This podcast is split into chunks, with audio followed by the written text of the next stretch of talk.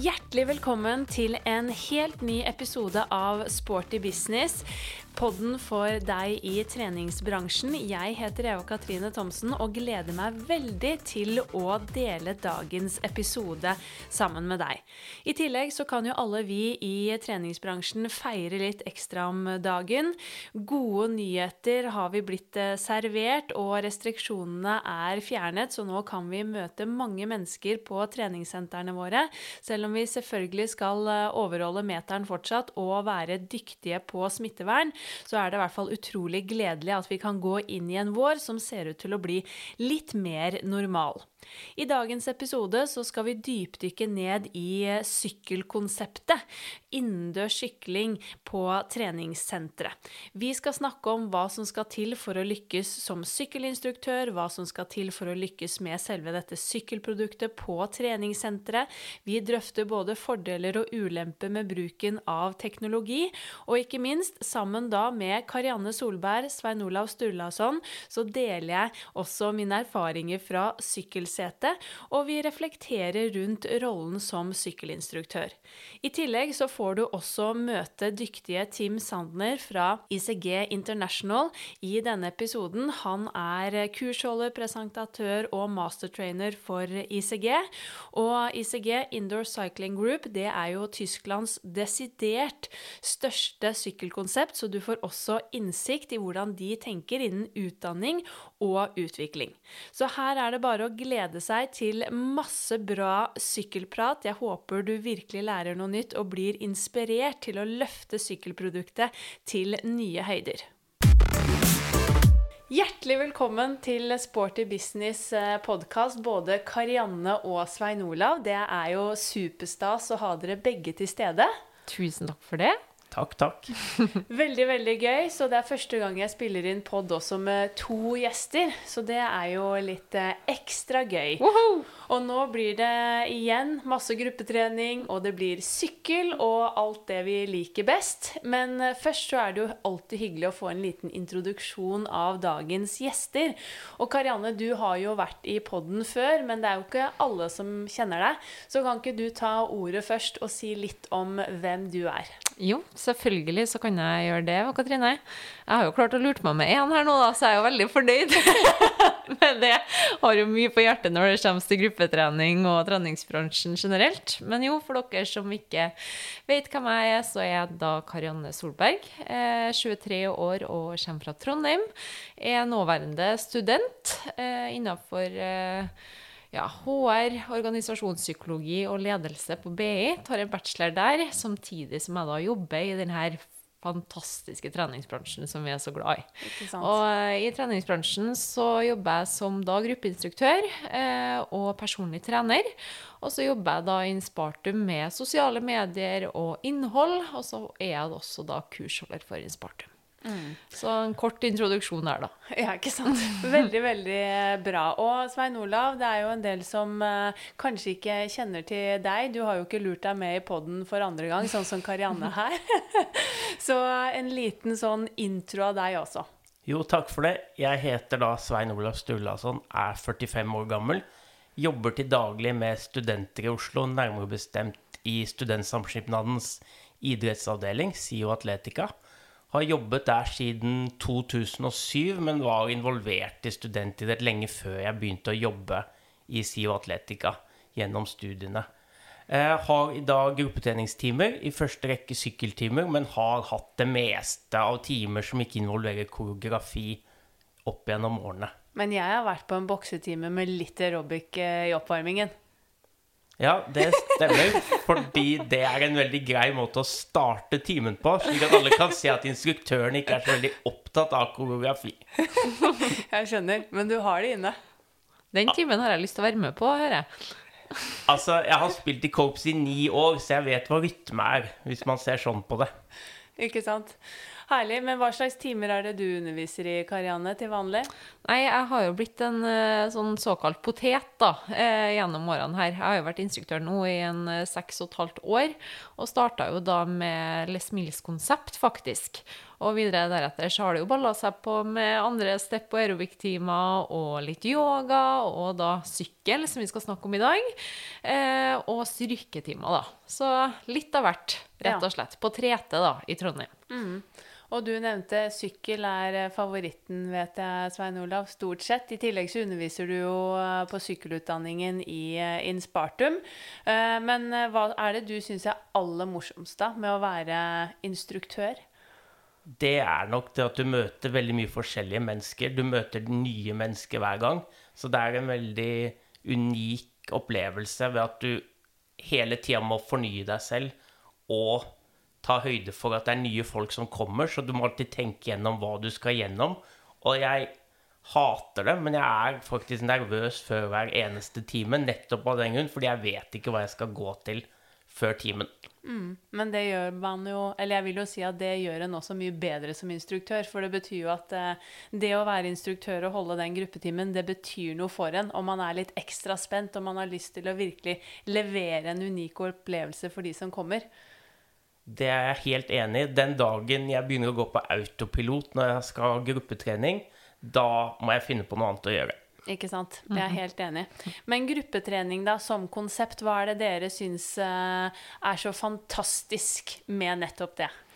Eh, nei, jeg sa jo sikkert akkurat det samme forrige gang jeg var her, men det er jo det fellesskapet man skaper i en sal med en gruppe med mennesker som kanskje ikke uh, ja, er så vant til å trene og ikke helt har den samme erfaringa og kanskje treningsgleden som oss. Det som er veldig hyggelig da, er jo at det her er personer som kanskje kommer tilbake, og som du kan få fulgt opp, og som du virkelig kan dele denne treningsgleden med. da.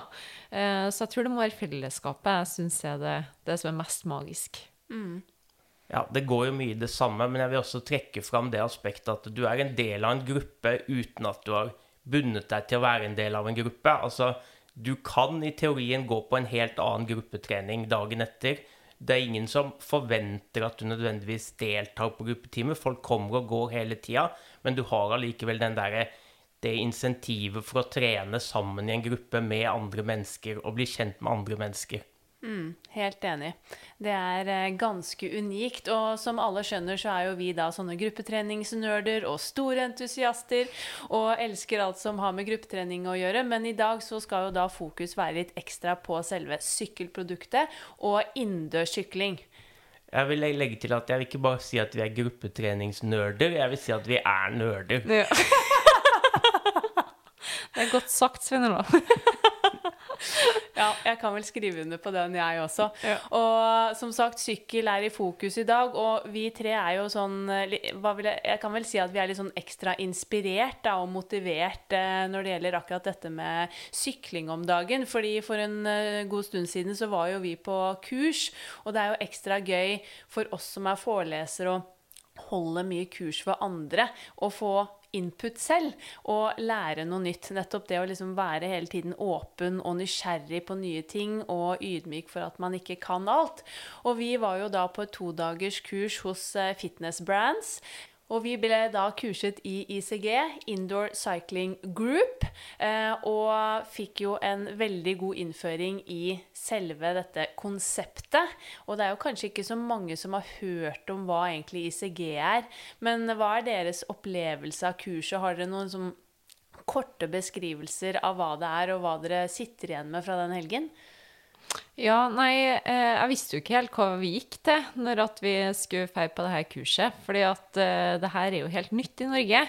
Eh, og det jeg syns var litt artig, da, og som jeg sitter igjen med i etterkant av det ICG-kurset, det er jo det at mye av den tankegangen som vi har her i Norge, det er det som går igjen også ellers i Europa. Det her er jo et konsept som eh, virkelig er dominerende i Tyskland, annet. Og det med fokuset på gruppa, den individuelle treningsopplevelsen i gruppe, det å eh, få med seg en hel gjeng da, og tilpasse timen til absolutt alle i sal, det, det er det jeg sitter igjen med. At ICG ønsker eh, med det her sykkelkonseptet. Så det var skikkelig kult å se. Og også få på en måte presentert et konsept som er litt rund i kantene. Her har virkelig instruktørene muligheten til å være kreative og lage sitt eget personlige preg på timen. Eh, så det var, det var skikkelig kult. Jeg vil også trekke fram muligheten til å være en del av et stort instruktørfellesskap som strekker seg litt utover Norge. Det er ganske fascinerende å se hvordan de som lykkes i store markeder, gjør ting. Og ikke minst da vite at vi i Norge gjør egentlig ikke ting så veldig annerledes enn det de gjør der nede. Og det er jo litt det som er spennende med å gå på kurs, ta jevnlige oppdateringer, fordi at det, du får en motivasjon som du kan ta med deg tilbake hele tiden. Og man lærer alltid noe nytt på nye kurs, fordi at eh, de som holder kursene, har mye nyttig å komme med og ha innfallsvinkler som da selv erfarne instruktører kan dra nytte av videre. Ja, ikke sant. Og jeg er helt enig med deg, Svein Olav. Og jeg vet ikke hvor mange ganger jeg har blitt forklart den sykkelinnstillinga på sykkelen, altså. Men herregud, det å få vise den grundig, sikkert for tiende gang, altså det er så godt med den repetisjonen. Så nei, man blir virkelig aldri utlært. Mm, helt enig. Og jeg også, som du sier, Svein Olav, jeg syns det er gøy å se at veldig mye av det vi gikk gjennom, er jo det vi allerede kurser i og på en måte gjør i Norge. Og det er jo gøy å se at vi gjør det på den samme måten og sier det samme som de gjør da i ICG i f.eks. da Tyskland, at vi snakker det samme språket, men samtidig da har fått input og masse nytt faglig påfyll, og ikke minst inspirasjon for hvordan man kan eh, lage, designe, holde og instruere sykkeltimer. I hvert fall for min del, som også ikke har hatt og undervist sykkeltimer på lenge, så fikk jeg veldig mange sånne aha-opplevelser og mye liksom, ny inspirasjon for hvordan dette her kan gjøres for å gi de unike opplevelsene som gir mer enn bare eh, en, liksom, en treningsøkt, men en treningsopplevelse. Og som eh, ICG sier selv, de vil gjøre altså make fitness more colorful, og det syns jo jeg er veldig stas. Ikke overraskende. Så det liker vi. Men eh, vi utnyttet jo tiden på kurs, og fikk jo til og med skravlet litt eh, med Tim, da kursholder og mastertrainer i ICG, og vi fikk jo da lurt han også med i eh, Sporty business. Så jeg tenkte at eh, vi kan jo høre nå litt på også hva Tim eh, sier om ICG, og ikke minst hva han syns er så unikt med gruppetrening og sykkel som eh, treningsform. Welcome to Sporty Business, Tim. It's so nice to have you here for a very short little uh, chat about uh, group fitness and indoor cycling. Thank you for having me. I'm very delighted to be in this podcast with you. Nice to hear. It's uh, always nice to have a little introduction uh, from the guest for our listeners. So, if you can give a short introduction about yourself and the ICG concept, Indoor Cycling Group. Yes, um, yeah, happy to do that. Um, my name is Tim Zandner. I'm from, from Germany. I'm the international master trainer for the EMEA region for ICG, which is basically the indoor cycling group. We are manufacturer of cycling bikes and um, creator of cycling group fitness and professional cycling solutions since 25 years, so long before my time. Um, but yeah, I'm with the company now with uh, with ICG for seven years now. And I really love what we are doing um, because it's not just about producing a great piece of bike, piece of metal, then also providing all-in-one ecosystem and solution surround indoor cycling. So we have bikes, we have we have we have an app, we have digital solutions for live trainings, uh, which is called the ICG Connect. We have an ICG online hub where on a digital base, people come together for education, for learning, for creative cr- creativity, and um, yeah, we have great instructors out there um, in our instructor club and all over the world who just yeah having built a great community around our brand, and it's yeah the whole close circle and it's yeah really great to be part of team icg yeah it's a whole ecosystem. It's yeah, it uh, is. amazing. So uh, for everybody that hears uh, this podcast you can hear from the start that you are really passionate about uh, group fitness and of course indoor uh, cycling. But uh, what would you say is the best thing about group fitness and of course indoor cycling and what makes it so unique yeah group fitness um, i have to have to say i'm really really passionate about working together with people. That was always my dream, and that's the reason why I can say I have, yeah, um, made it through the process to, yeah, my passion as my job. And um, being together with nice people as you here in Norway, um, from Germany, yeah, um, it's it's just awesome to be together with people to yeah help people to implement a healthy way of living into their into their life um, and reaching goals together and yeah just feeling that unique energy when you surround nice people and um, yeah helping them out whatever their needs are. Um, about group fitness indoor cycling what we from icg are mainly focusing on because we think that that is the, the vast amount of people out there just the normal people who just want to yeah feel better um, and um, being more healthy being more fit and not just going for some medals at olympia. We can deliver that as well but group fitness is for everyone and especially indoor cycling because indoor cycling if it is presented in an empathetic and right way um, it can be done from from everyone um, from the best agers to very young people um, um, doesn't matter your weight your age your wherever you come from.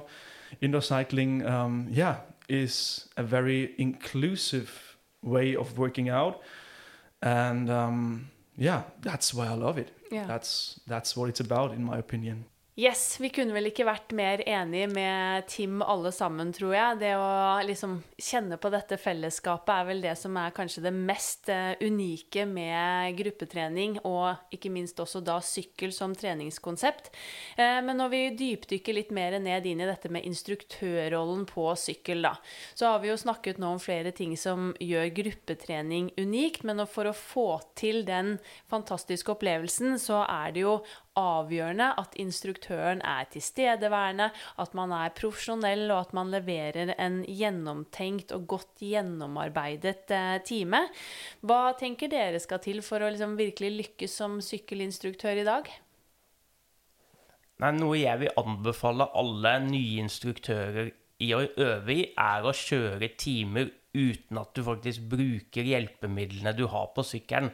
Da tenker jeg først rekke på display som kanskje viser hvor fort du sykler, hvilken takt du holder, og, og hvor mye watt du trår. Lær deg å kjøre timer uten at du bruker disse hjelpemidlene, og så bruker du heller de som et supplement til det du kan etter hvert. Det er et godt tips å begynne med. Fordi det gjør at timene dine vil bli så mye mer interessante og morsomme når du lar teknologien hjelpe deg, fremfor at du lar teknologien styre deg. Jeg er 100 enig med deg, Svein Olav. Og det jeg også syns er veldig viktig, da, det er jo at når man blir instruktør, så er det lett at du glir litt inn i andre roller. Kanskje starta du som step- og aerobic-instruktør, og så var det plutselig behov for en, en vikartime på spinning, og så ble du kasta inn på den. Eh, og det som kan skje da, er jo at instruktøren fortsetter å ha spinning med altså jevne mellomrom uten å egentlig ha et kurs i bånn. Eh, og da vil jeg trekke fram viktigheten av å ha den grunnleggende kompetansen som er spesifikk for sykkel i, i bunnen. da. Altså vit hva watt er, vit hvordan du stiller inn sykkelen, vit hvordan du forklarer innstilling på sykkelen. For at én ting er at du som instruktør kan stille inn din sykkel, men det er noe med å lære seg å få prata nok gjennom hvordan du faktisk får andre til å stille inn sykkelen sin eh, riktig også. Og ikke minst det med å kunne coache hjertefrekvens, vite hvordan belastning sykkel har på kroppen, osv. Og ikke minst dette her med å, ja, å formidle, når du er inne på dette med belastning, det å kunne formidle liksom intensitetsstyring, eh, formidle hva som skjer i kroppen, formidle hvorfor vi jobber med de ulike treningsmetodene, og faktisk lære medlemmene våre noe når de er på timene. Ja, det er et veldig go godt poeng, fordi at eh, vi har alle noe å lære, og det er alltid noen som kan mer enn deg. Eh, eh, I, I forbindelse med sykkeltimer, så ta imot råd fra instruktører, fra andre, slik at du også kan bli en bedre instruktør underveis. Helt klart. Og så er det også viktig da, altså på en måte ha en, ha en plan med timen. Eh, lag en løypeprofil som er gjennomtenkt, som du sier, Eva Katrine. Dette er jo eh, veldig grunnleggende for instruktørrollen, men kanskje spesifikt for sykkel. Eh, for at i en aerobic- og step-time er det veldig mye som skjer, og det er armer det, og hit og dit, og man skal ned på gulvet, og det er formasjoner kanskje. Eh, men i en sykkel så sitter du på samme plassen hele tida, så du som instruktør har et stort ansvar ved å få med deg hele gruppa, og få, eh, eller skape forutsigbarhet i timen, da, så du får med deg hele gruppa gjennom hele timen. Det er viktig. Og så tror jeg også jeg vil være litt tydelig på at sykkel er faktisk ganske vanskelig å være instruktør i. Fordi at du, du sitter kanskje i en mørk sal. Du kan ha 40 deltakere hvor du kanskje ikke ser noen av dem, fordi de er sperret av andre syklister. Så det er veldig viktig at du er åpen og følger med og har fokus på deltakerne hele tiden. Og benytter de mulighetene du har til å gi deltakerne tips underveis. Og nettopp det som dere er inne på, da. Altså, man sitter kanskje i en mørk sal. I tillegg så er man stasjonær. Man er på den sykkelen hele tiden.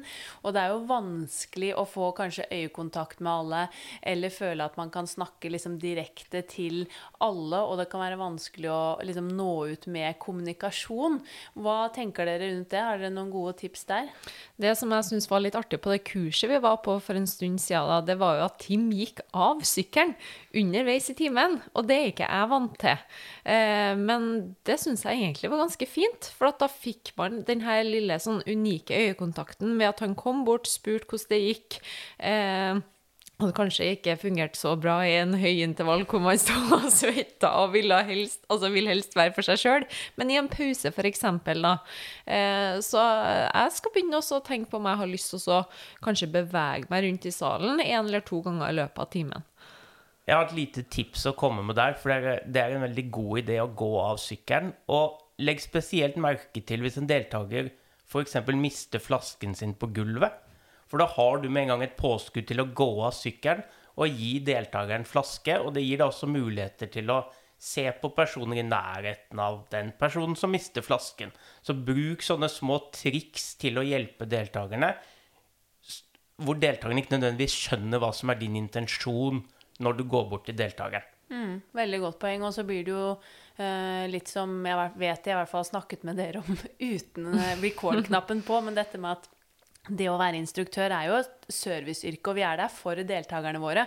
Så det er jo en veldig fin gjest også, det å kunne da hoppe av sykkelen og hjelpe til med den drikkeflasken, sånn at eh, deltakeren som eventuelt mister den drikkeflasken, ikke trenger å på en måte bryte opp sin treningsøkt. Og når det gjelder det som du, Karianne, sa, det å gå av sykkelen, så syns jeg også eh, Tim, når vi var på kurs, da gjorde det på en fin måte, for var, han hadde en helt tydelig hensikt med hvorfor han gikk av, og hva han gjorde når han gikk av. For jeg har jo vært på sykkeltimer hvor instruktøren også har vandret litt sånn hvileløst rundt, og jeg har følt at det har vært litt mer sånn pause for instruktøren, fremfor at det er liksom en mål og mening med hvorfor du går av. Men hvis du virkelig har en klar intensjon, så syns jeg også det er en veldig fin måte å Eller en fin måte å krydre opp instruktøren eller instruksjonen på. Mm. Ja, nei, jeg er helt enig. Og det som også er så fint med, med gruppetrening og sykkel, det er jo det at du eh, som instruktør har en helt unik måte å kommunisere med deltakerne på. For det, det krever egentlig ganske mye, som du og Svein Olav var inne på, å instruere en sykkeltime. Men hvis du gir gode beskrivelser, du bruker visualisering, musikk og skape en slags innlevelse i timen, så kan det være helt fantastisk. Eh, og det å da bruke blikket og ja, bruk virkelig denne kommunikasjonen og visualiseringa i, eh, i timen din, det, det, er noe som er helt unikt da, for sykkel, syns jeg. Mm. Hvor viktig tenker dere at uh, musikkbruken er uh, i uh, sykkeltimer? Skal vi svare samtidig, eller? Du kan begynne, du. Det er veldig viktig! Det er alt! Jeg sitter begge og liksom hopper og har lyst til å rope ut samtidig, så ja. Ja, musikken, hvis ikke den stemmer med det du skal gjøre, så blir det veldig feil. Altså, skal du ha en full intervall, og deltakerne skal gå all out, så må selvfølgelig musikken passe til det. Mm. Hva dere, tenker dere om å holde takten i musikken, da? Eh, altså, jeg må jo ærlig innrømme å si at jeg har jo prøvd begge deler. Eh, jeg foretrekker å tråkke i takt. Jeg syns at det er litt forstyrrende når at, eh, når at det er en takt jeg ikke kan følge, eller at det er en time hvor det er lagt opp til at du bare kan spinne. Eh, og det kan jo være årsaker til at det er en eh, time som er uten eh, ja, dere skjønner at man Uten takt. Uten takt. Ja. Altså at man bare sykler, da. Og- Og selv om takta egentlig er der klart og tydelig. Eh, men eh, jeg personlig liker best de timene hvor det er gjort en musikkanalyse, hvor det er gjennomtenkt musikk som passer til hvor man er hen i løypa, og ja, hva man ønsker da ut av timen. Mm. Hva tenker du om det, Svein Olav? Nei, Jeg er også helt enig i at takt er viktig, men jeg vil samtidig være litt tydelig på at det viktigste for meg er at takten passer med det du skal gjøre underveis i timen.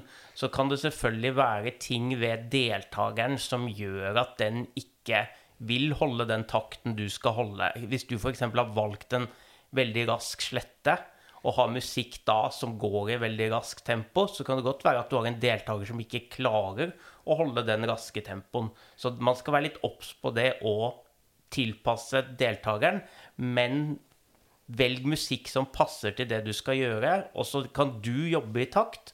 Men så kan deltakerne som eventuelt vil ligge utenfor takt, gjøre det uten at det skal få konsekvenser, eller de skal ha dårlig samvittighet av den grunn. Ja, musikken er jo også en unik måte å treffe ulike deltakere i salen på. Altså Hvis du er flink til å bruke ulike sjangre og ulike låter og ulike eh, ja, låter da i timen, så, så kan du treffe hver enkelt deltaker. Så det å ha en variert og gjennomtenkt spilleliste, det tror jeg er veldig viktig. Jeg må innrømme at jeg er også veldig svak for å bruke hiter som deltakere kjenner. For min erfaring er ofte at deltakere kan få en sånn greie at de har lyst til å synge litt med innimellom. Og det, da må man bruke musikk som deltakerne kjenner, så ikke vær redd for å bruke populærmusikk som er kjent i timene. Helt klart. Og jeg er jo også veldig fan av at ting går i takt. Og musikk er jo det som liksom skiller gruppetrening vil jeg si, fra annen trening. Og det er det som gjør at du ofte kan få den derre virkelige gåsehudfølelsen. Så jeg vil jo også oppfordre alle til å velge musikk i riktig RPM ut fra det som du sier, Svein Olav, ut fra det du skal gjøre. Men så er jo en mulighet da å gi sånn som Tim gjorde når vi var på kurs, altså gi oss et på en måte eh, et valg, da, at vi kan ligge mellom 80 til 100 RPM på en slette, men musikken gikk kanskje i 90. Så han holder da 90, men hvis det er da noen deltakere som synes at det var veldig raskt eh, og syns det er vanskelig, eller kanskje for noen de har lyst til å pushe hvis vi fikk beskjed om å ligge i en eh, wattsone som gjør at de kanskje må tråkke litt raskere, så kunne man gjøre det i enkelte perioder hvis man ønsket. Men så hadde du musikken der som likevel var tilpasset for de som da ville holde takten. Og det er også en fin måte å krydre det på for å gjøre det litt variert, uten at det bare er en tilfeldig spilleliste som bare ruller og går. Ja, og da tar du jo også hånd om alle deltakerne, og så gir dem ulike alternativ. Eh, så det er kjempe, kjempeviktig. Og det er jo bevist også rent sånn vitenskapelig at vi har en sånn iboende ønske og trang i kroppen til å faktisk synkronisere bevegelsene våre til eh, musikk og takten i musikk. Så for veldig mange så skjer det helt naturlig, og det er også en veldig sånn stor motivasjonsfaktor for mange å kunne jobbe i beat med musikken. Jeg vil også trekke fram at man skal være litt bevisst på når man bruker forskjellig type musikk, fordi at hvis du f.eks. har en bakke da, som går i veldig lavt tempo, så sørg for at du i pausen har en rask takt, slik at deltakeren kommer tilbake i tempo igjen etter det trege tempoet. Så vær veldig bevisst på det at selv om kanskje ikke pausen er veldig viktig i forhold til timens oppbygning av det du skal gjøre, ha en musikkplan for hva du skal ha i pausen. Fordi hvis du da velger rask musikk i pausen, så vil deltakeren også holde en raskere frekvens i pausen. Helt, helt enig, og vi kan jo også høre litt hva Tim sier, og hva hans beste råd til å lykkes som sykkelinstruktør er. So first one, be hungry. Yeah. Be hung- eat the right things. No, what I mean is uh, be hungry for learning, learning more. Um, when you work together with people, it's always about an exchange. It's not that one is just learning, the other one is delivering. No, it's it's we every every, every day we learn, and if, if you're open for that, Um, especially in that educational thing, um, things are moving forward. The whole industry is developing, and yeah, stay stay hungry. Stay hungry in terms of educational content. Um, so yeah, and if you're open for that, that leads me to the second point: be empathetic. A good coach always sees who is in the room and, and, and gives options and yeah tries never lose the side for for especially the newbies especially those who have some yeah issues with um, themselves with their body with that new thing that they're trying out. So be empathetic and the last one be you. Yeah. Be you. That's just yeah if it's your passion then you are at the right place and you should always be you Jeg blir så glad for at eh, Tim eh, nevner dette her med å være liksom virkelig sulten på ny kunnskap, for det er jo noe av det viktigste for å lykkes. Og det kan i hvert fall jeg virkelig kjenne på etter at vi igjen har fått av nytt sykkelkurs. eh, Hvor mye mer givende man syns ting er, og hvor mye mer inspirert man blir. Og igjen, jo mer man lærer, jo mer finner man ut hva man ikke kan så mye om òg, og hva man kan bli enda bedre på også. Ja, jeg syns det han trekker fram med at man må tørre å være seg sjøl, er så viktig. For jeg blir veldig lett inspirert av andre, og jeg elsker å dra på andre sine timer for å få inspirasjon. Men da er det så lett for meg at jeg tenker at åh, sånn der instruktør har jeg også lyst til å bli. Og jeg tenkte også på det i helga, at den, den instruktørformen som instruktør der, som Team hadde, den eh, hadde jo egentlig vært litt eh, stille og prøvd sjøl. Men det blir så gjennomskuelig. Så det å virkelig gå i seg sjøl og teste ulike former og gjøre det som passer for seg, eh, det blir en mye mer genuin eh, og troverdig opplevelse for de deltakerne. Mm, virkelig. Ja, det er jeg helt enig i. Og det er også noe verdt å tenke over. At vi har forskjellige deltakere. At eh, 16-åringen du har på sykkeltime, har kanskje ikke det samme behovet som 70-åringen. Og da bør instruktørmassen også gjenspeile deltakerne på timen. Så hvis du er 50 eller 60 år og har lyst til å bli sykkelinstruktør, så er det ikke noe grunn til at ikke du skal kunne bli sykkelinstruktør. Så tenk litt over det. Henda i været for det. Men eh, hvis vi skal dypdykke litt mer inn i selve sykkelproduktet, da, så har det jo vært sånn at eh, sykkel har vært superpopulært eh, når det kom. og Altså, det ble jo en kjempestor hit for innendørs eh, trening. Og det har jo vært et sykkelprodukt, eh, eller et eh, treningsprodukt på treningssentrene som virkelig har holdt seg, vil jeg si, når det gjelder popularitet gjennom egentlig alle år. Men samtidig så har man også sett del, de siste årene at det er en del sentre som kanskje har slitt litt med å klare å fylle eh, salene når det gjelder eh, sykkeltimer. Hva tenker dere om det? Har dere noen gode tips, eller hva tror dere at eh, det kanskje kan skyldes? Det er et veldig godt spørsmål. Hadde man hatt svaret på det, så tror jeg kanskje ikke man hadde sittet her. Men jeg tror at som alt mulig annet i treningsbransjen, så er det trender, og ting går ofte i sykluser. Eh, Det som kanskje er litt spesielt med sykkel, er at eh, sentrene er jo veldig opptatt av at man skal ha mange folk på timer. Og timeplanene reflekterer da ofte det at man setter opp timetyper som man vet er populære. F.eks. intervalltimer er jo ofte mer populære timer. Det kommer flere folk på de, men de er kanskje vanskeligere for nye syklister som har lyst til å bli introdusert til spinning. Slik at jeg, tror det er veldig viktig at sentrene er bevisste på at man setter opp timer som passer for alle nivåer, og har introtimer aktivt på timeplanen. Og ikke minst har dyktige og erfarne instruktører som kjører introtimer. Det er mye lettere å kjøre en intervalltime enn å kjøre en introtime for helt ny, nye syklister, fordi det er så mye du må tenke på rundt det. Og da skal man være en ordentlig god pedagog og instruktør, og der vil jo jeg også skyte inn at man, det hjelper ikke bare å være veldig god på å sykle landevei ute, og så komme inn i salen. Så jeg vil jo i hvert fall oppfordre alle til å liksom igjen da dette med utdanning, men liksom det å Gruppetreningskonseptet er jo også noe litt annet. Og for å få det til å virkelig bli en suksess på senteret, så må sykkelinstruktøren også forstå det å skape denne fellesskapsfølelsen, bruke musikken, skape denne litt sånn rå konsertopplevelsen nesten. For for mange på, som går på gruppetrening, og også da sykkel, så er jo det like viktig som om de hadde gått på en høypulstime i sal. Ja, nei, jeg er 100 helt enig. Samtidig så tror jeg at det, det er jo sjelden bare én grunn til at ting går litt dårlig. Det er jo gjerne ting som skjer i flere ledd. Sånn at det, det jeg snakka litt om tidligere også, med det å ha en kompetent instruktør som kan vatt, og som kan sykkelinnstilling, eh, og iallfall sette dem på introtimer, som du sier, Svein Olav, men også det å få nye sykler på senteret sitt. Jeg skjønner jo at ikke alle, alle har økonomien til det, men de som er glad i sykkel, ønsker jo gjerne også å ha en god sykkel å sykle på. Og hvis dette her er noe som et treningssenter ønsker å satse på, så må i alle fall syklene være av grei nok kvalitet til å kunne ha gode sykkeltimer på. Mm. Ja, det handler jo om å investere i produktet. altså da Både utstyr, men også instruktører og selve, liksom, selve produktet. Løfte det frem. Men har dere noen gode tips for hvor, liksom, hvordan man kunne fått litt sånn mer liv i sykkelproduktet på et treningssenter?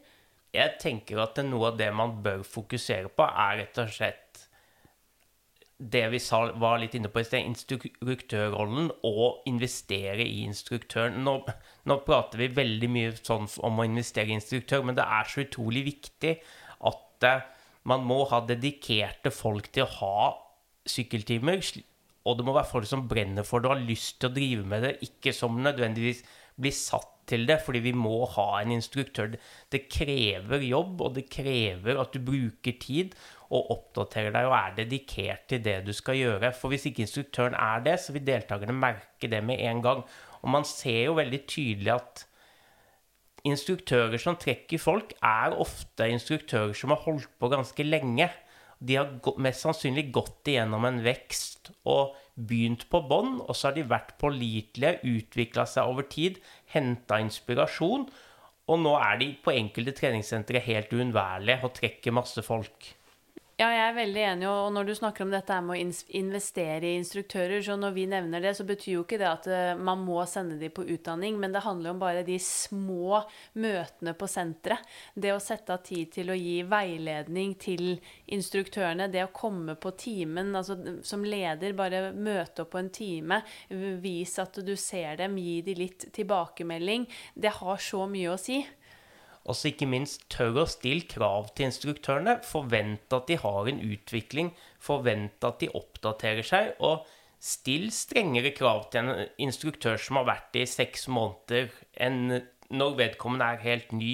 Fordi vi lærer hele tiden, og det er så utrolig viktig at sentrene også viser interesse for at instruktørene sine skal utvikle seg.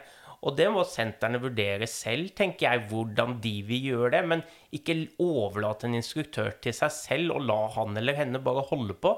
Ha jevnlig prater, samtaler med dem, og gå igjennom hva de skal gjøre, hva de kan bli bedre, og hva dere som senter ønsker at de skal bli bedre på. Absolutt. Og det her blir jo på en måte en slags tale til dem som kanskje sitter i ledelsen, da. Men, eh, men eh, i tillegg til det du Eva Katrine sier, og Svein Olav, er jo det at det er veldig lett å peise på med veldig mange timer på timeplanen. For at man tenker at jo mer, jo bedre. For da har, eh, da har medlemmene mer å velge i. Men det å ha kanskje litt færre timer på timeplanen som er ordentlig, ordentlig god, og som blir greit fylt opp, det tror jeg også kan være verdifullt. Fordi at vi er her jo pga. den fellesskapsfølelsen og det å få oppleve en sykkeltime med kanskje litt flere deltakere, og hvor man vet at timen er godt planlagt og godt laga av instruktøren, det tror jeg også er veldig viktig. Helt klart. Og at man har varierte timer på timeplanen. At man har noe for nybegynnerne, man har noe for de som kanskje er supersyklister, hvis det er flere medlemmer på senteret som er det. At man har intervall, at man har kanskje noe mer langkjøringsøkter, og kanskje også noe mer sånn ja, fun-timer eller tematimer. Lage litt sånn events innimellom, sånn at det skjer noe ekstra. Så vil jeg også anbefale å kjøre lærings... Eller hva skal man si? Kjøre kjøre fellesgreier med instruktørene, slik at instruktørene kan jobbe på tvers og lære av hverandre. Fordi det er masse en sykkelinstruktør kan plukke opp fra en som kjører koreografitimer. Eller sant, alle som skal løfte tungt, har en eller annen låt de setter på når de skal eh, løfte tungt for å syke seg opp. Og det der er masse instruktører en sykkelinstruktør vil kunne plukke opp da fra andre instruktører i hvordan de gjør det. Mm. Helt klart. Og nå fikk jeg bare noen assosiasjoner når du sa det. Men jeg vet jo at dere i 3T, Karianne, dere har vel en type fadderordning for nye instruktører, har dere ikke det? Jo da. Hvor man eh, blir med, og så kjører man på en måte teamteach i starten for å bli litt sånn trygg i rollen. Og det tror jeg kan være et godt tips for veldig mange sentre. At man ikke bare kaster nye instruktører rett ut i det, men at man da blir med en mer erfaren instruktør og på en måte skygger den, og også da holder teamteach sammen i sykkelsalen. for å bli litt tryggere. Det syns jeg er en veldig god måte å gjøre det på. Ja, nei, det, det er jeg helt enig i, og det er jeg veldig glad for at vi har i Tete. For det, det, gir på en måte instruktøren en mye mykere start. Den får muligheten til å tilbringe litt kvalitetstid da, i hermetegn med den instruktøren som har vært på senteret veldig lenge, i tillegg til at den kan ta det litt i sitt eget tempo. Eh, og at man da får den her verdifulle feedbacken underveis. For at det gjør det da enklere for den instruktøren, eller fadderen, da, og kan komme med tips. For det er kanskje lille draget som den instruktøren eller nye instruktøren da kjørte. Eh, så det er en veldig sånn trygg måte å gå inn i en ny rolle på. Og det er jo sånn i andre bransjer også, at man blir jo ikke sittet rett i nye arbeidsoppgaver uten noe som helst veiledning eller eh, oppfølging i starten. Eh, så ja, det, hvis ikke ditt treningssenter har det, så oppfordrer jeg til å høre om det er en mulighet dere også kan få ordna. Mm, ja, jeg syns det er en veldig god idé, og har ikke vært borti det selv tidligere. Så det tror jeg kunne vært et tips for mange sentre. Men når det gjelder da sykkelproduktet, så har det jo i vil jeg si, i liksom sykkelsalen skjedd ganske store endringer de siste årene. Eh, jeg husker når jeg begynte som sykkelinstruktør på Kondi Stovner i 2008, så sto jeg med whiteboard-tavle og tegnet eh, sykkelløypa, eller løypeprofilen for hver gang, med tusj. Eh, og det var det jeg hadde av verktøy, i tillegg til selvfølgelig musikk og en sykkel. Men i dag så er det jo ganske avansert teknologi i veldig mange sykkelsaler. Det har blitt prosjektorer, det er pulssystemer, det er wattmåling, det er jo til og med da sykler som lyser i ulik farve, sånn som vi har fått lov til å teste på kurs for en stund siden. Altså det fins jo masse gøy og spennende og imponerende teknologi. Man kan jo få sykkelløyper, og det er virtuelt og ja. Men hva tenker dere om teknologi? Er det liksom fordeler, ulemper? Hva tror dere all denne nye teknologien har gjort for sykkelproduktet? Jeg var litt inne på det tidligere i dag, at jeg syns jo det er veldig viktig at teknologien blir et hjelpemiddel. Eh, et typisk bilde de fleste som har vært sykkelinstruktør, det er jo Nå mener jeg ikke å henge ut noen her, men det er jo mannen i 40-årene som har kjøpt seg en ny pulsklokke, og ti minutter inn i timen ikke har fått pulsklokken til å virke riktig. Og han får kanskje ikke pulsklokken til å virke hele timen, men han har da ikke deltatt i det hele tatt fordi pulsklokken ikke fungerer. Så igjen, teknologien, hjelpemiddel, men ikke la den ødelegge timen. Ikke gjør deg avhengig av teknologien. Det er mitt tips. Men det er jo mye morsommere å komme inn i en topp moderne sal hvor du har alt av tilbehør, lyset er perfekt, og du har skjermer. Det gjør noe med opplevelsen. Um, og tilpasser den jo mer det moderne samfunnet vi er i i dag. Mm. Absolutt, og jeg tror at det er en fin inngang til å kanskje gjøre spinning Altså make spinning great again. Altså, jeg tror at teknologien kan gjøre spinning veldig, veldig kult, men det er bare viktig å være klar over at det også kan virke veldig frastøtende og skremmende for noen av medlemmene. Spesielt hvis at den, eller instruktøren ikke eh, forklarer det her fra gang til gang, at instruktøren kanskje tar det for gitt, da, at det her er noe som medlemmene eh, er klar over at eksisterer, og at kanskje alle vet hva watt er, og at kanskje alle vet hva intensitetsstyring av hjertefrekvens er. Så her har instruktøren rett og slett et stort ansvar. Eh, og ja, da treningseierne eller lederne igjen et ansvar over å da få instruktørene inn i de her systemene, sånn at det ikke blir skremmende for instruktørene også. Og der har jo klubbene ikke minst et ansvar, for de må sørge for at medlemmene sine er i stand til å bruke disse produktene, og ikke minst vet hvordan de skal bruke dem, så sørge for at man får litt opplæring, at det settes av tid i forbindelse med sykkeltimer til å lære eh, hvordan man skal koble seg på med pulsbelter eller apper eller hva. Det hjelpemiddelet som er tilgjengelig. Mm. Ja, nei, det er veldig sant. Og, og så er det også viktig å være klar over og ha respekt for at det er ikke alle som ønsker å bruke det. Og det er ikke alle som er interessert i å sitte på en sykkeltime og høre om watt som det eneste måten man, eh, man instruerer på å bruke intensitetsstyring for. Så det er viktig å fortsatt bruke subjektiv pulsmåling, altså Borg-skala. Eh, det er viktig å fortsatt snakke litt om hjertefrekvens, og, og også da kanskje ta inn watt, sånn at man favner om alle sammen. Spesielt hvis at det er en time som har en timetekst eh, hvor det, hvor det står at det er for alle, da. Typisk at det heter intervall eller noe sånt. Står det jo at timen heter noe med watt, så vil jo også dem som deltar på timen være forberedt på at det her kanskje en typisk watt-time hvor det instrueres og brukes mye watt i, i coachinga. Men, eh, men å ja, ha respekt for at alle ikke ønsker å bruke det, det tror jeg er viktig. Ja, jeg har jo litt sånn på følelsen at all denne nye teknologien eh, kanskje kan ha skremt en del fra sykkelsalene.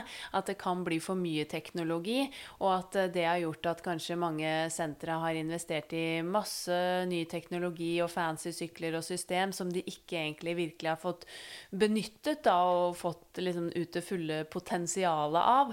Og det er jo veldig synd, fordi som dere nevner, da, teknologi kan jo bli, være helt unik, eller et unikt verktøy som virkelig kan løfte disse timene til et nytt nivå. Og det er ganske fancy å se, sånn som når vi var på kurs, da. Med liksom sykler som da lyser i den wattsonen du er i. Vi har på en måte virtuelle Eller altså, du ser en liksom løype på skjermen som er da faktiske opptak fra sykkel... Eh, em, stier? Stier, ja, ritt eller landskap. Ja, uh, hvor du ser bilder fra liksom faktiske landskap, og man kan liksom føle at man sykler rundt i ulike deler av verden. Og man har lys, man har musikk, man får liksom tilbakemelding på det arbeidet man gjør. Man kan måle fremgang, uh, progresjon. Det er jo ganske fantastisk hva man egentlig kan få til i sykkelsalen i dag, men da må jo også instruktøren klare å benytte seg av det, som du sier, Svein Olav, at det blir et hjelpemiddel. At ikke bare teknologien på en måte skal ta seg av timen, og du som instruktør blir usynlig. Og ikke motsatt vei, at teknologien ikke brukes, men at det blir virkelig et hjelpemiddel som kan løfte dette til et nytt nivå.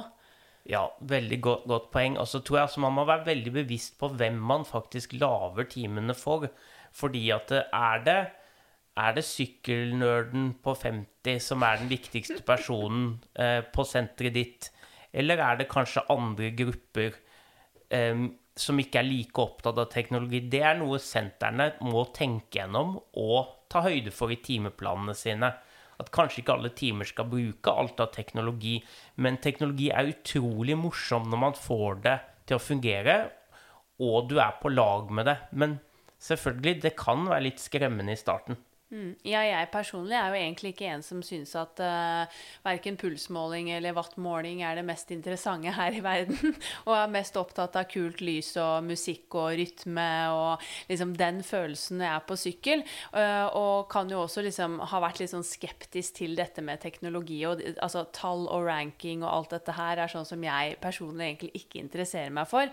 Og da syns jeg også det var kult når vi da var på kurs med ICG og Tim, for vi brukte jo egentlig veldig mye teknologi, men likevel så fikk han det til, og i hvert fall for meg da, føles som at vi egentlig ikke var opptatt av verken watt eller målinger eller tall eller noen ting, og at det egentlig ikke var en følelse av avansert teknologi, men for meg så fikk jeg bare en følelse av musikk, det var farver, det var inkluderende coaching, det var gøy, det var givende, og da tenker jeg at det er den perfekte måten å virkelig utnytte teknologien på, men så kan du også bruke den til å ha de mer sånn kanskje litt mer prestasjonsrettede timene, da. Jeg syns noe av det beste komplimentet man kan gi til en instruktør, er at en instruktør som har kjørt en time og brukt veldig mye teknologi, hvis du går derfra og føler at instruktøren kunne holdt den timen uten den teknologien, da mener jeg instruktøren har gjort noe riktig. For da er det noe som Da er det ting ved timen som helt tydelig stemmer for deltakeren. Det blir jo en litt sånn eh, egentlig en annen diskusjon, men jeg må bare trekke det inn. For når vi snakker om dette med teknologi, og når vi da var på dette kurset, så begynte jeg å tenke på dette at det er ganske sykt å tenke på hvor mye en instruktør egentlig skal kunne. Eh, så da begynner vi å dra en diskusjon over på igjen dette med egentlig lønn, det å anerkjenne instruktørene sine, som vi ikke skal ta nå. Men når vi da var på dette kurset, og vi ble liksom dratt gjennom hele dette ICG-konseptet og all teknologien og alt som var mulig i denne kiosken, altså dette Connect-systemet, og så tenker jeg shit, man skal kunne alt det for egentlig mestre dette, i tillegg til det grunnleggende som instruktør skal kunne. Det å da også se alle coaching, musikk Det er ganske komplekst, det å være instruktør, mm. som igjen da sier noe om at uh, vi helst burde få gjort noe med lønningene i bransjen, som jeg har et håp om, men også liksom at sentrene virkelig verdsetter den unike jobben disse instruktørene gjør, for det er mye som ligger i bånn, og det er mye man skal kunne. Mm. Liten shout-out til alle instruktører ute der som hører på oss nå. det er helt sikkert. Men hva tenker dere at uh, liksom vi i bransjen kan gjøre enda bedre, da, sånn litt generelt, uh, for å få enda flere til å bevege seg og ja, bli med på sykkeltimer? Det er jo litt sånn som Svein Olav eh, sa, det var jo det her med introtimer. Altså hvor viktig det er å faktisk møte medlemmer idet de kommer på senteret, og ha et tilbud for dem.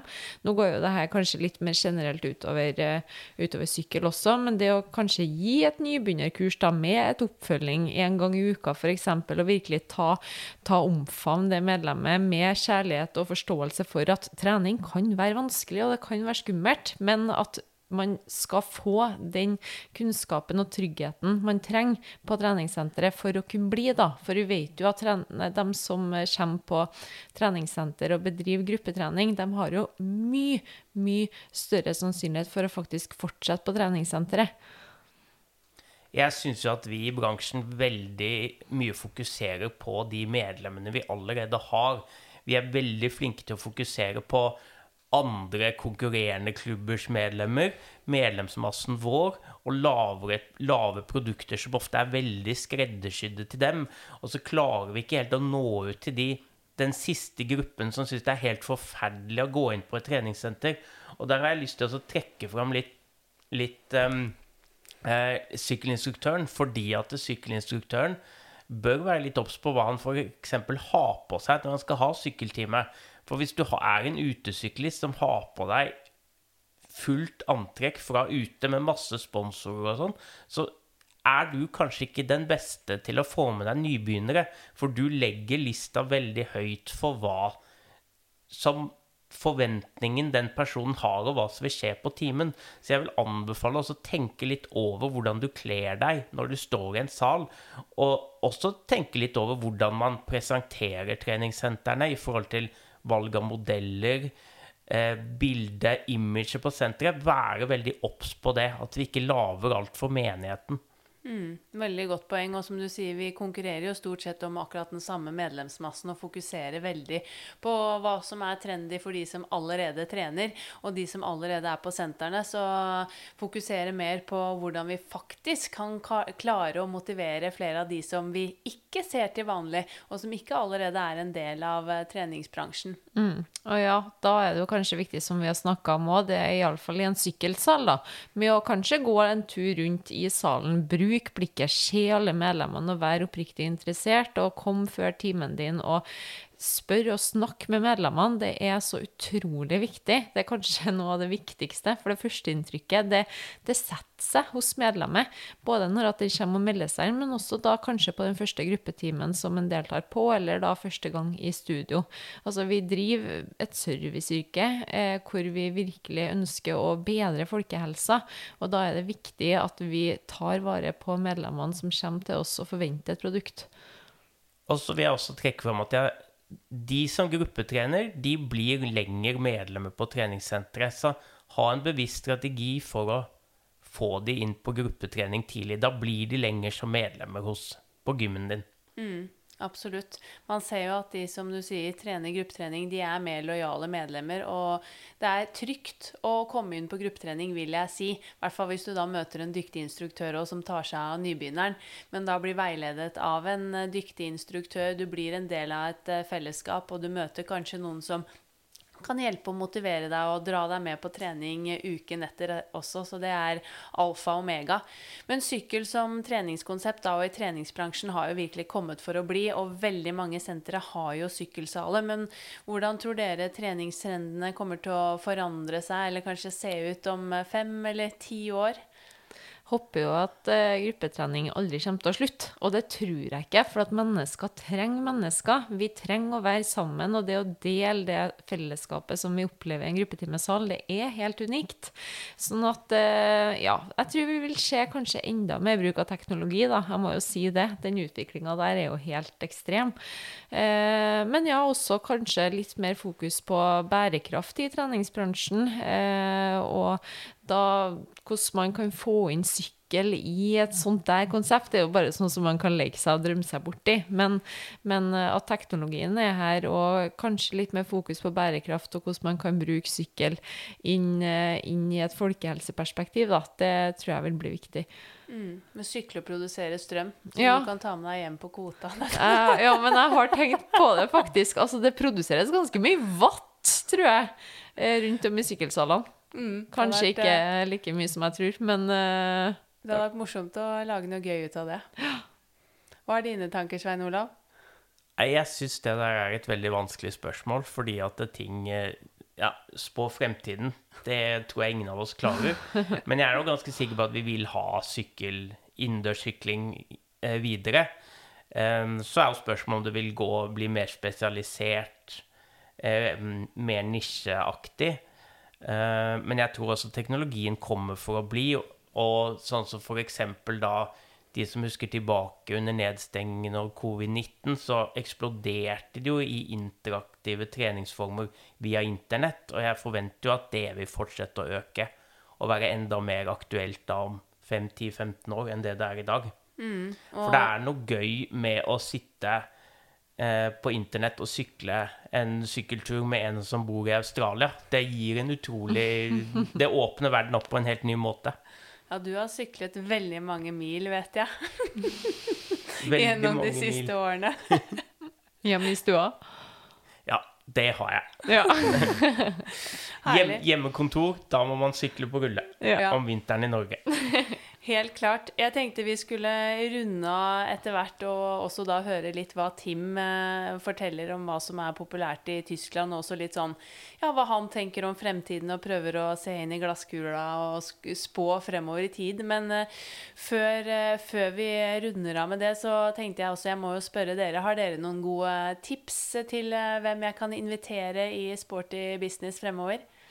Ja, har jo tenkt litt på det. Sist så nevnte jeg jo det her med at det har vært artig å så tatt inn et medlem på en eller annen måte og hørt litt hvordan de opplever treningsbransjen utenifra. For at vi kan jo sitte og tenke og synes og mene veldig mye om hva vi skal gjøre for å få folk inn på trening, men kanskje vil et medlem da, som har vært trofast på et treningssenter, kunne komme med litt andre svar enn oss.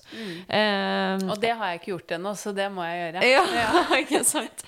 Nei, eh, ellers så syns jeg jo at eh, det er spennende med nye konsepter. Det er jo nye konsepter som kommer fra hytt og pine ja, hele tida.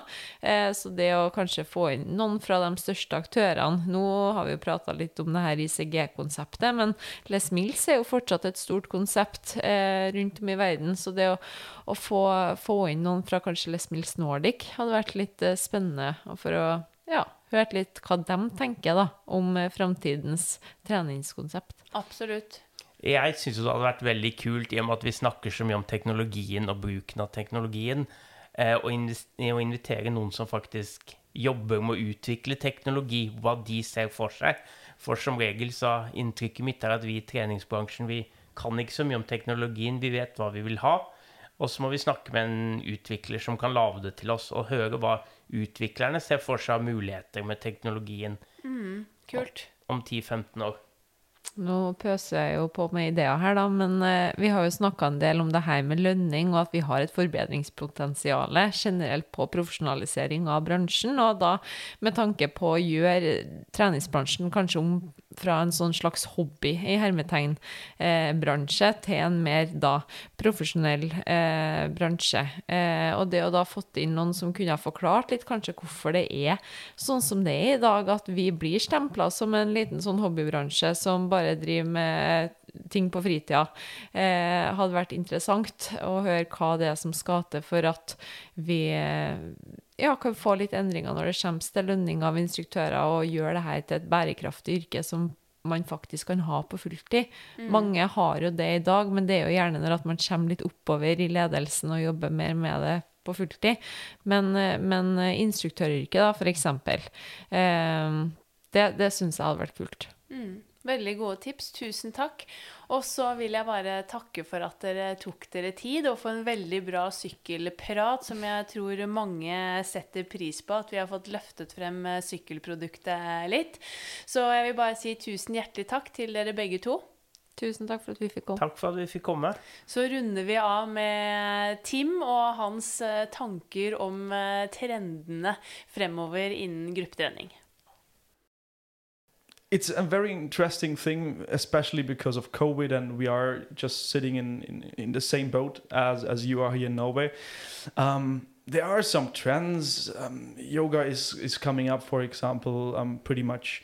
So everything what is about um, finding yourself again um, with that crazy world out there, body and mind. Um, so it's not just about the physical thing; the psychological thing is, is, is in there as well slowing down awareness that's that's a, very important point as i as i think as a trend as well and that will be even more important in um, that very fast running world. Um, for sure there are some some different things yeah like weight training um, anything yeah.